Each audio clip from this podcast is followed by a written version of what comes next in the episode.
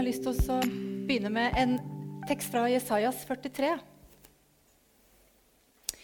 Dere skal ikke minnes de første ting, ikke tenke på det som hendte før. Se, jeg gjør noe nytt. Nå spirer det fram. Merker dere det ikke? Ja, jeg legger vei i ørkenen, elver i ødemarken. En av tekstene i Den norske kirke i dag, og den første teksten faktisk som vi la ut fra oss i Inspirkirken eh, når vi skulle starte her. Når vi starta en Facebook-side, vet ikke om noen av dere husker det, så var det første verset. Så et vers som betyr mye for oss. Eh, et vers som betyr mye for mange opp gjennom alle tider. For det sier noe om hvem Gud er. En skaper. En som gjør noe nytt. Han som gir oss en ny dag, en ny begynnelse og en fortsettelse. Han som skaper muligheter der det ikke ser ut som det er muligheter i dag. Og elver, som, det, som han skriver så fint i Isaias. Og han er også den eneste som kan skape noe av ingenting. Jeg har tenkt på det. Han skapte en løsning for oss mennesker når vi vendte ryggen til Gud. En bro. En løsningsmann og en redningsmann. Og han sendte sin sønn Jesus. Og jeg vet, og jeg ser jo på de som er her i dag, at det som jeg skal lese nå, og det kan vi lese sammen, det er jo kjente vers. Fra, Johan, fra Johannes 3, 16. Ja. Skal vi ta det sammen? For så høyt har Gud elsket verden, at han ga sin sønn den enbårne, for at hver den som tror på ham, ikke skal gå fortapt, men ha evig liv. Det var jo lenge profetert om Messias i Bibelen. Og Jesajas er jo en av de som skrev mye om det, og andre profeter. Så det jeg tenkte jeg skulle snakke litt om i dag, da, det er eh, Jesus som Jeg sa tittelen 'Jesus som skaper og frelser'. Så er jeg en undertittel 'Et enkelt rørleggerbudskap'. Det pleier Jeg må ha noe sånne, sånn at jeg lurer på hva jeg skal snakke om. Det blir litt sånn, Hæ? Det liker jeg. Jeg eh, ønsker alltid eh, hvert fall når jeg, eller jeg har tatt meg som en hovedfokus når jeg skal snakke her på de søndagene jeg har. da. Vi har jo forskjellige søndager og forskjellige mennesker som snakker. At jeg vil ta utgangspunkt i hvem Jesus er, hva han gjorde, hvilke sider han er, hvilken, hva det gjorde med mennesker som møtte han. Eh, og også ta utgangspunkt i det Bibelen sier om han. For vi mennesker kan jo alltid være med å forme vårt syn på Gud, og det vil vi jo gjøre. Eh, min syn på Gud som far, min syn på Jesus som bror kan jo også, Vi drar det inn ikke sant, i forhold til eh, de erfaringer man har i, i menneskelige relasjoner, tror jeg. Eh, og det kan være for godt og vondt, eller kan være eh, også ut ifra mangel på erfaring. Eh, Bjørn Eidsvåg hadde jo et stykke eh, som heter eh, 'Etterlyst Jesus', tror jeg det het. Hvor han forteller om sin Jesus. Eh, en streng Jesus, en rettferdig Jesus, en som ser alt kanskje litt for mye. Eh, en gud han likte, ikke likte, men ut ifra sine briller og sin historie. Eh, og jeg hørte Øystein Gjerme snakke om litt sånn større grupperinger, da, syn på Jesus. Eh, I pietistiske miljøer så kan vi gjøre han trang og smal. Eh, og det er litt sånn kontrast og litt sånn rare. Men i store katedraler kanskje han blir mer utydelig. For eh, oss som ønsker å være rik, så gjør vi han rik fordi vi ønsker å beholde vår egen materialisme. Og vi kan gjøre han som tjener når vi ønsker sjøl å være herre i eget liv. Det er litt forskjellige bilder av hvem vi har av Jesus. Men det er viktig at vi kommer igjen og igjen tilbake til det Bibelen faktisk sier om han. Så det liksom er fundamentet på det som vår tro hviler på, og ikke på hva vi til enhver tid kjenner at Jesus er for meg. Nå kjenner jeg at Jesus er sånn, eller kanskje nå kjenner jeg at han ikke er sånn. Men at vi kan hvile i det Jesus har gjort, og det Bibelen sier. Og at vi sammen og det er det som er jo godt å komme til kirken også. At vi kan sammen si eh, og peke på Han gjennom det Guds ord som vi har i Bibelen.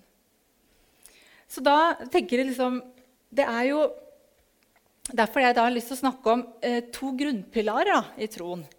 Som er Gud som skaper, og Jesus som frelser. Så egentlig hadde jeg jo tenkt å gjøre det, eh, ta begge deler i dag. Men så har jeg bare lyst til å prøve en litt sånn annen innfallsvinkel. Så nå blir dere litt sånn eh, testpanel for meg. da. Eh, I forhold til å prøve ut noe, en litt annen og litt mer sånn konkret innfallsvinkel på det. Bare for å prøve noen nye ord. Fordi jeg tipper at når dere hører i dag skal jeg snakke om Jesus som frelser, så tenker jeg å ja, men det, dette kan vi. For dette har vi vokst opp med. Mange av oss, i hvert fall. Jeg tror jeg kan skanne litt sånn av de som er her nå, at det kanskje er gjenkjennbart. Har jeg rett? Ja. Um, jeg tenker at For oss som da sier jeg har vokst opp i en kirke, så er det Jesus. Han er vår frelser. Han døde for oss. Han døde for våre synder, for våre overtredelser. Altså der jeg tråkket over. Eh, der ting ble ødelagt, og der noen ødela, kom Jesus inn. Og tok din og min skyld og plass for den skylden.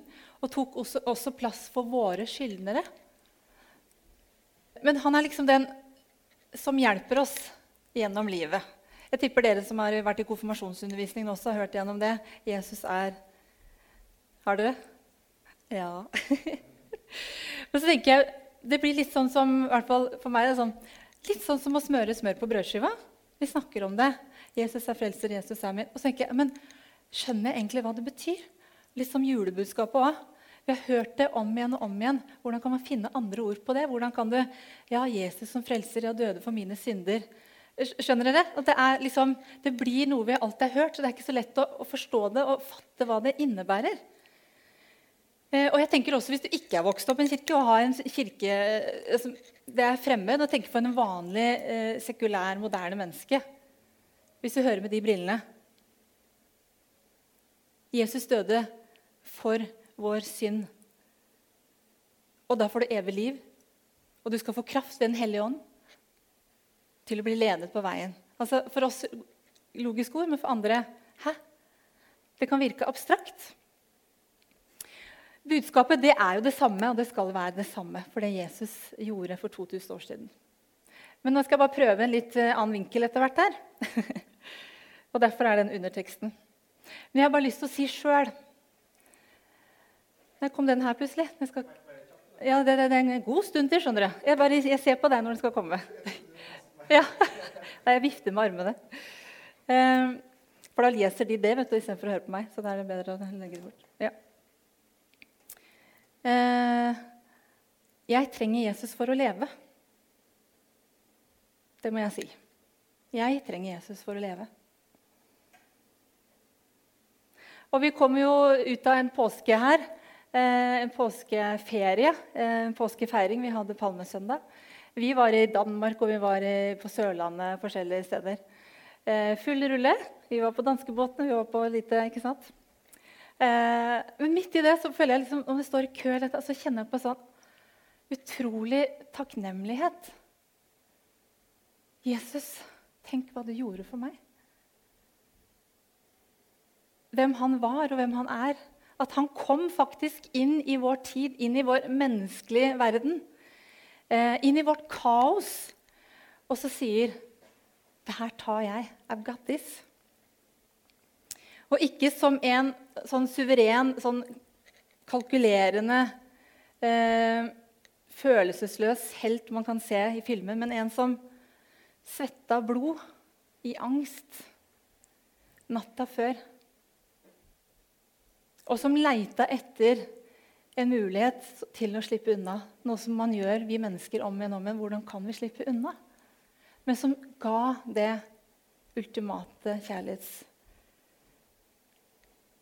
Eller gjorde den ultimate kjærlighetserklæringen da, å gå i døden for oss. Og fra den dagen gi oss et sted, en plass. Og gi oss et kors å knele ned ved og si Hjelp meg. Redd meg. Unnskyld. Tilgi meg. Et sted å vende om, og et sted å si, ikke minst, Jesus, tusen takk.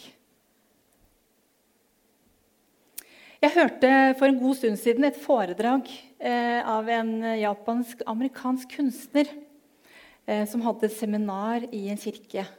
Eh, og det handlet om Gud ut ifra et skaperperspektiv. Og det elsker jeg. Det er så utrolig av en eller annen grunn. Så bare, om det er musikk, om det er kunst, om det er ord, om det er malerier altså Det å på en måte se Gud fra det perspektivet. Og det er det jeg skal snakke om ved en annen anledning der. Men så sier han i en bisetning da, at uh, de fleste kirker formidler For da snakker han om Gud fra et mye, Vi må se Gud på et mye større perspektiv. Han er så mye mer. Han er så mye annet. Men så sier han de fleste kirker formidler Gud ut ifra et rørleggerbudskap.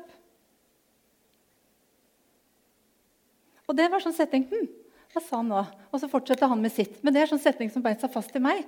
Og da tenkte jeg hva er et rørleggerbudskap? Så får du sikkert assosiasjoner nå. Jeg skjønner hva han mener. At, er, at hovedsaken er at vi ofte formidler at Gud er en som kommer for å hjelpe meg til det som er ødelagt. ikke sant?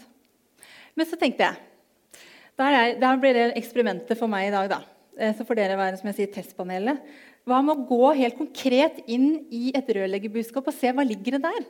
For å prøve å finne noen andre ord på hva Jesus faktisk har gjort for oss, eller gjør for oss i, i livet våre. Er dere åpne for det? Ja, det er bra. For jeg tenker at det kan bli litt sånn abstrakt. som jeg har sagt. Det kan bli litt sånn Ja, for hvordan kan det se ut i mitt og ditt liv? Ok. Ting som har, eh, De som jobber med rør, da. Det er jeg liksom ut på litt inne, for det her er ikke mitt fagfelt. bare så dere vet det. det eller det vet jo alle sikkert, utenom dere som ikke kjenner meg. Eh, eh, det er et arbeid i det usynlige. Det er ikke de som gjør den jobben, som syns på utsiden. Det er ikke arkitektene. det er ikke de eh, som, Du ser de flotte fasadene, du ser når byggreiser, liksom, du ser taket, du ser veggene, du ser materialene, du ser fargene. Nei, de jobber på det som er på innsiden. På det som ikke syns. Litt sånn som det er med troen også. Eh, det eneste som kanskje kommer fram, er jo når det ikke funker. Dessverre. ikke sant? Når noe tetter seg, når dusjen er der, et eller annet, når doen eh, Når det begynner å lekke, når du ser sånne striper på veggen og bare kjenner øh, Da skjønner du at det er noe der inne eh, som du ikke kanskje har tenkt på bestandig.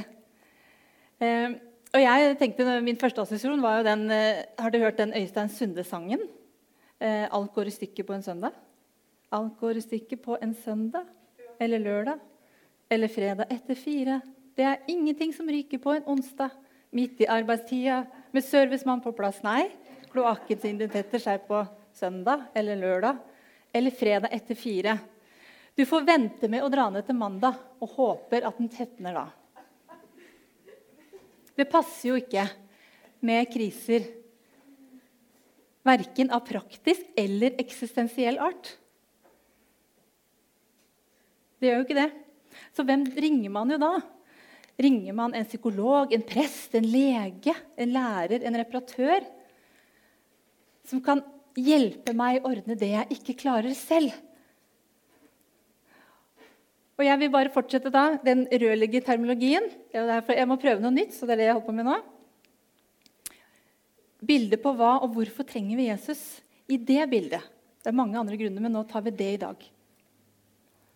Og jeg googla, og det syns jeg er litt morsomt. da, Prøv å se det ut ifra der. Det, får du forskjellige rørleggerfirma, og den ene sier vi har hjerte for faget. Og for oss som da har, eh, Jesus, vi har visjonen 'Jesus i sentrum i hjertet og byen', så tenker jeg det er en fin start. Det er bra. Og så også, kom det noen andre, og da sier de at eh, vi har rørleggere for alle dine behov. Det er jo også flott. Ikke sant? Det er jo det vi sier litt i kirkene. Vi har, Han dekker dine behov. Så her er vi. tenker Ja, det er bra. God start. Så hvilken funksjon da, eller hvilken er det disse rørene har? da? Og rørleggerne. Da kan du ta det som du hadde i. Nå skal vi se. En rørlegger fant en slags definisjon. da. Installerer rør i hus og bygninger, i gater og områder. Og spiller en viktig rolle Her kommer et fint ord, i samfunnets evige behov for rent vann, varme og ventilasjon. Det tenker jeg er en god start. Så la oss se på hva Jesus gjør ut ifra det bildet. vann. Deng.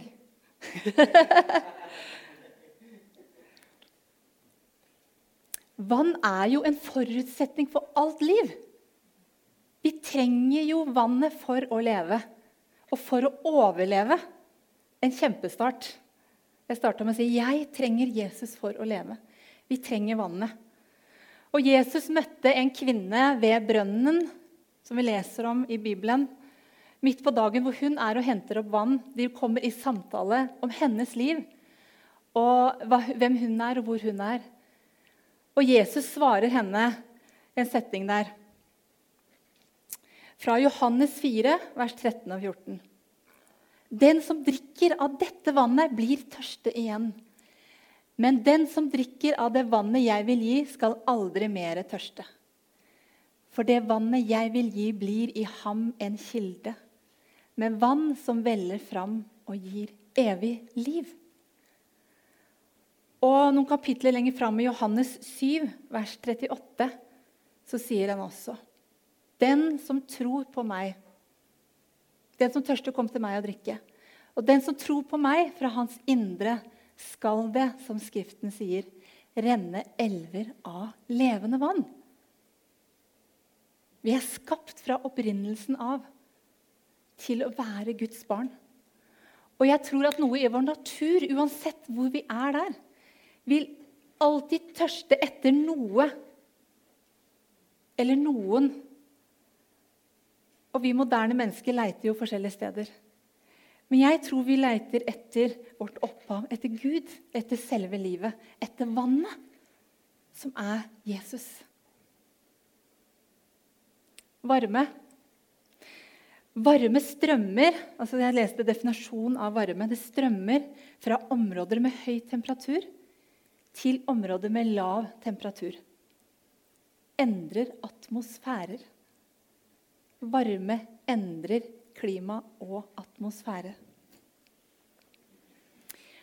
Og vi mennesker vi strever og vi holder på. Vi vil mye, vi ønsker mye. Vi pusher på, vi jobber på. Fordi vi vil så mye i oss sjøl. Og det er ikke alltid, kanskje, jeg kan snakke for meg selv, at Gud er med i alt det. Mitt eget strev. Og profeten Haggai, kapittel 1 og 6, han skriver noe om det som skjer når vi holder på med vårt istedenfor å bygge Guds. Da sier han Dere sår mye, men høster lite. Spiser, men blir ikke mette. Drikker, men slukker ikke tørsten. Kler dere, men blir ikke varme. Et møte med Jesus dere, endrer temperaturen og klimaet i et liv. Og det kan vi lese historie på historie om i Bibelen. Jeg har her eh, tidligere fortalt om Sakkeus, om kvinnen som rørte ved Jesu kappe. Og det er jo mange andre historier om Peter, den prosessen han går gjennom, og ikke minst Paulus. Totalt fra å være en forfølger til å bli en etterfølger i møte med Jesus. Og I dag så hører vi om det. Jeg møtte Jesus.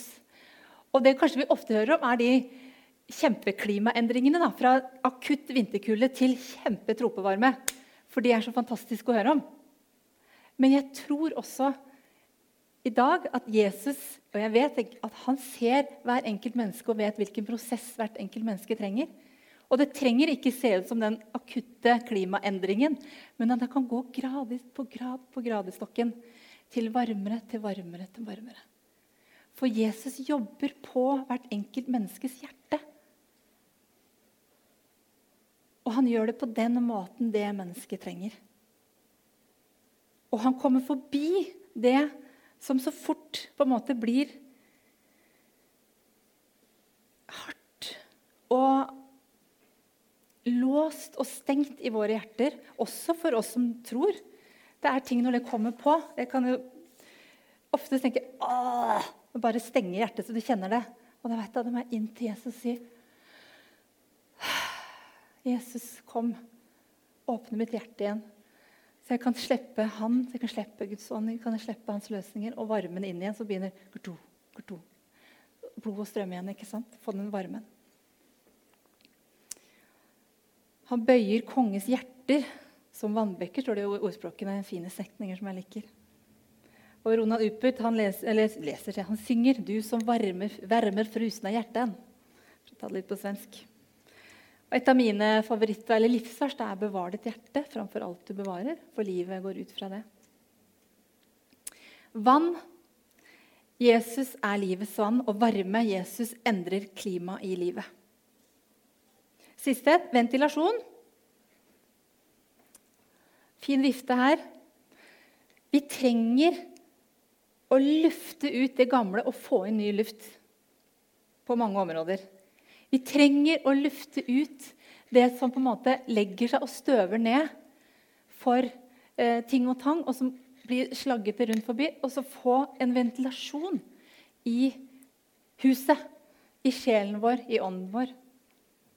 Og vi trenger noen å ventilere sammen med. Så hvordan gjør man det? Da er det jo mange vers i Bibelen om det, så jeg tar to her. Ett fra Hebreerne 10 til 22. Vers 22. La oss komme fram med oppriktig hjerte og full visshet i troen, med hjertet renset for vond samvittighet og kroppen badet i rent vann. Jakob 5, 16 skriver også Bekjenn da syndene for hverandre og be for hverandre, så dere kan bli helbredet. Et rettferdig menneskes bønn er virksom på å utrette mye. Det er viktig å ha noen i livet du kan ventilere med og hos. Få lufte ut ting, få tilgivelse hvis vi trenger det. Og Jesus har også gitt oss det stedet ved sitt kors. Hvor vi kan få lov til å komme inn på Han og ventilere alt vi vil. Alt vi trenger. Alt vi står i. Alt vi ikke får til. Alt vi ventiler, ventiler hos Jesus. La han få endre det indre der ved å lufte ut det som kommer på, og få ny luft fra han. Vann, varme, ventilasjon, altså. Det er funksjonene. Syns det er bra bilde? Sånn til en start. Noen andre ord på det jobben som Jesus gjør i ditt og mitt liv. Jeg må ha vann. Jeg må drikke. Jeg må få varme fra han når klimaet i forskjellige situasjoner blir enten overoppheta eller altfor kaldt. Så må jeg ha hans løsninger inn der. Og jeg må ventilere ved hans hjerte og sammen med de som jeg og du har satt sammen med. Så vi kan få nytt perspektiv, ny luft Nytt mot, nytt blikk.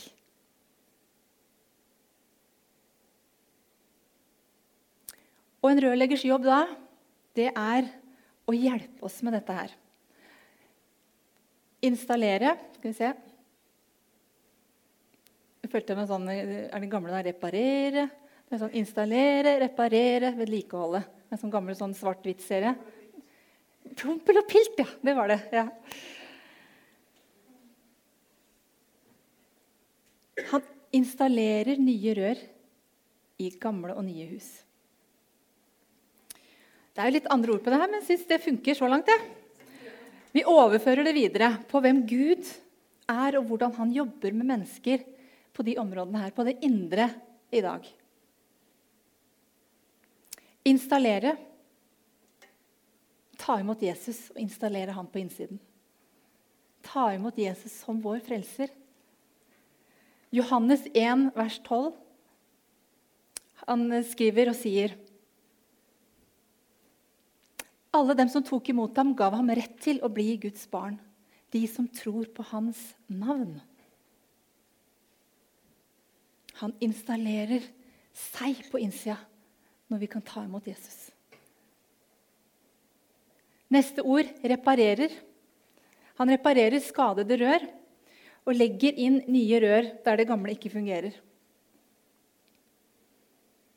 Og det er det jo mange, mange, mange vers om i Bibelen. Og da vil jeg tilbake til Isaiah igjen, kapittel 53, vers 5. Men han ble såret for våre lovbrudd, knust for våre synder. Straffen lå på han, vi fikk fred. Og ved hans sår ble vi helbredet. Jeg og du kan ikke fikse oss sjøl. Menneskeheten kan ikke reparere seg selv. Det ser vi jo flere og flere tegn på. Vi trenger én frelser. Vi trenger én større enn oss sjøl som kan komme inn i livet og hjelpe oss. Og det siste ordet 'vedlikeholder'. Når vi tar imot Jesus, så får vi Den hellige ånd på innsida. Som skal veilede oss, vise oss hvem Jesus er, og hvem vi er. Sannheten om Han og sannheten om oss sjøl. Og han ønsker en kontinuerlig relasjon. Han ønsker ikke bare å komme inn i en sånn kjempekrise og dunke, rive veggene løs og ta den store engangsfiksen. Han ønsker en relasjon, en kontinuerlig samarbeid, vedlikehold. Da tar vi det lille. Nå låser det seg til her, dere. Vi, Eller nå er det litt tegn til tetning på sida der. Og Den hellige ånd, du må åpne, slippe taket der. Kjenner dere igjen hvordan han jobber? Eller andre, så plutselig så er det ting som gjør at det bare lekker ut ting i livet. Du bare kjenner tapper. Den strømmen du hadde, blir bare slappere og slappere. Fordi det lekker ut i alle ender. Og han sier nå må vi ta en liten tetningsjobb her. Nå må vi rydde opp. nå må du, ikke sant? Dette er det som Hellig Ånd gjør sammen med oss. Og Johannes 16, vers 13 så forteller han om det at når sannhetens ånd kommer, skal han veilede dere til hele sannheten. For han skal ikke tale ut ifra seg selv, men si det han hører, og gjøre kjent for dere det som skal komme. Som jeg sa, rør det, det syns ikke på utsiden, dette, denne jobben her. Det er skjult i vegger og tak. Men det sørger for rent vann det sørger for varme og ventilasjon i hvert et hus i vårt, vår by og land. liksom troen, den er usynlig. Det er vårt indre liv. Du kan ikke se det på utsiden.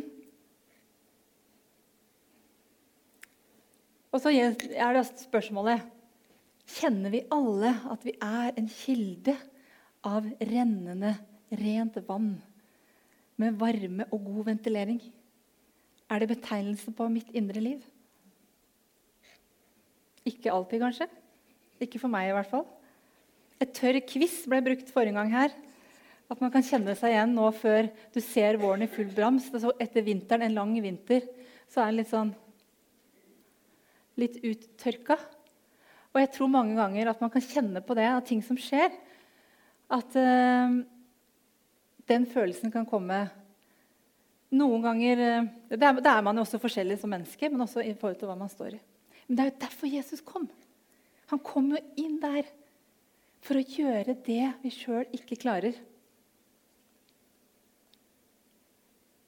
Skadene, som jeg snakka om litt i stad, de syns jo ikke før de kommer på utsiden.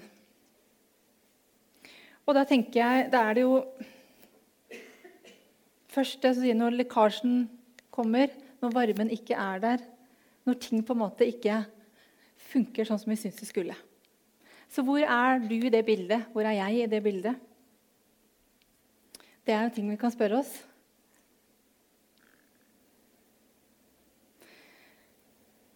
Jeg tenker at det kanskje ikke er så mange i dag altså De som ikke går i kirkene, tenker på en vanlig, moderne menneske i dag. At de har et bevisst forhold til det med at de er syndere og lengter etter Gud. Det tror jeg ikke er sånn daglig Ja, dette går jeg og kjenner på. Jeg er ikke så sikker på. Men jeg tror at mange, både utenfor og i kirkene, kjenner på et indre trykk som jeg ikke finner ut av. En indre øh, som jeg ikke finner hvor jeg skal få det ut. Eller en apati, altså en tetning, ikke sant? som gjør at det blir en lammet for både følelsesmessig og handlings, for handlinger. Og at vi kan kjenne oss tomme, rett og slett. Tørre, rustne. Som rustne rør. Nå tar jeg det bildet helt ut, da. Altså, alt dette tror jeg er bildet på at vi trenger å komme inn der i det innerste. Og for noen må det være å bryte opp vegger og tak fordi de skadene blir så store. Men for andre kan det være dette er det som er så fascinerende med Den hellige ånd, kan det være nå må vi skru litt tett der, for nå begynner det å lekke litt her. Han kommer der mennesker er i sine liv. Og Jesus, han, når han begynte som 30-åring sin jobb, og det, når han trådde ut i sitt kall, det han var kommet for, å gjøre helt igjen det som var ødelagt. Så begynner han jo hos sine egne, går inn i tempelet, får levert bokrullen fra Jesajas, og han slår opp på Jesaja 61 og sier, 'Herrens ånd er over meg.' For han har salvet meg til å forkynne et godt budskap for fattige. Han har sendt meg for å rope ut at fanger skal få frihet, og blinde få syn igjen. For å sette undertrykte fri, for å forkynne et nådens år fra Herren. Så lokker han boken igjen og sier på mitt ord Det her er meg. Det er mitt oppdrag. Dette er jeg kommet for rope ut at fanger skal få frihet. At blinde, de som ikke ser i dag, det som er det usynlige, at de skal få se det. Og forkynne et nådens år fra Herren. Og det skal vi formidle, og det kommer vi til å formidle. Det budskapet om at vi har en frelser. Om at Jesus kom for å gjøre helt igjen det som var ødelagt og i stykker. At vi trenger en som kan sørge for livets vann, for varme i mitt hjerte og for ventilering i mitt indre hus, da, for å bruke det bildet. Men grunnen dere, til at vi trenger dette, her, er jo for at vannet skal få strømme fritt og med godt trykk ut Gud er liv og kraft. Det er også et viktig budskap i våre kirker. Og det skal jeg snakke om neste gang jeg får mulighet til det her. Men jeg tenker at vi, må, måte, vi som tror, må ta inn over oss dette her. Og må la vannet få strømme i livet og i kirkene, og ikke demme de opp og putte de på bare flasker. Et sitat jeg har sitert før fra Joel Haldorf, som sier hva er kirkens oppdrag? Jo, Kirken skal hjelpe meg å finne ut av meg selv, vende meg til Gud og min neste, slik at jeg blir den jeg er kalt til å være. Og Så avslutter han da sin artikkel og sier men det må finnes vann i kildene. Den dagen et menneske åpner døren til en kirke og kommer for å drikke. Og Jeg leste en artikkel i Dagens Næringsliv, D2-magasinet der, som hadde tittelen 'Tilbake til kildene'. Og Det handlet om en trend i USA og sånn super-yber helsebevisste som nå drikker bare rått og urensa vann rett fra kildene. Og vannet, jeg skal ta to eksempler. Det ene vannet ble kalt 'Fountain of Truth', sannhetens kilde, og ble levert på dørene i sånne designflasker. Det andre vannet ble kalt 'Water of Life'. Livets vann og kosta 46 kroner literen. Folk tørster, dere, etter noe. De bare vet ikke etter hva. Og vi leter overalt forskjellige steder. Og Martin Kay fra Imi sier at uh, Imi-kirken folk har ikke sagt nei til Jesus, de bare vet ikke hvordan han ser ut. Og vi er bærere av universets største hemmelighet, dere. Og vet løsningen for verdens tørste og tørke og vannproblemer. Jesus Kristus. Så Da vil jeg bare avslutte med det verset som jeg leste i starten, fra Johannes 7. Før vi går inn i nattverd og skal ta imot det som Jesus har gjort for oss. Om noen tørster, han komme til meg og drikke. Den som tror på meg, som Skriften har sagt, fra hans indre skal det flyte strømmer av levende vann.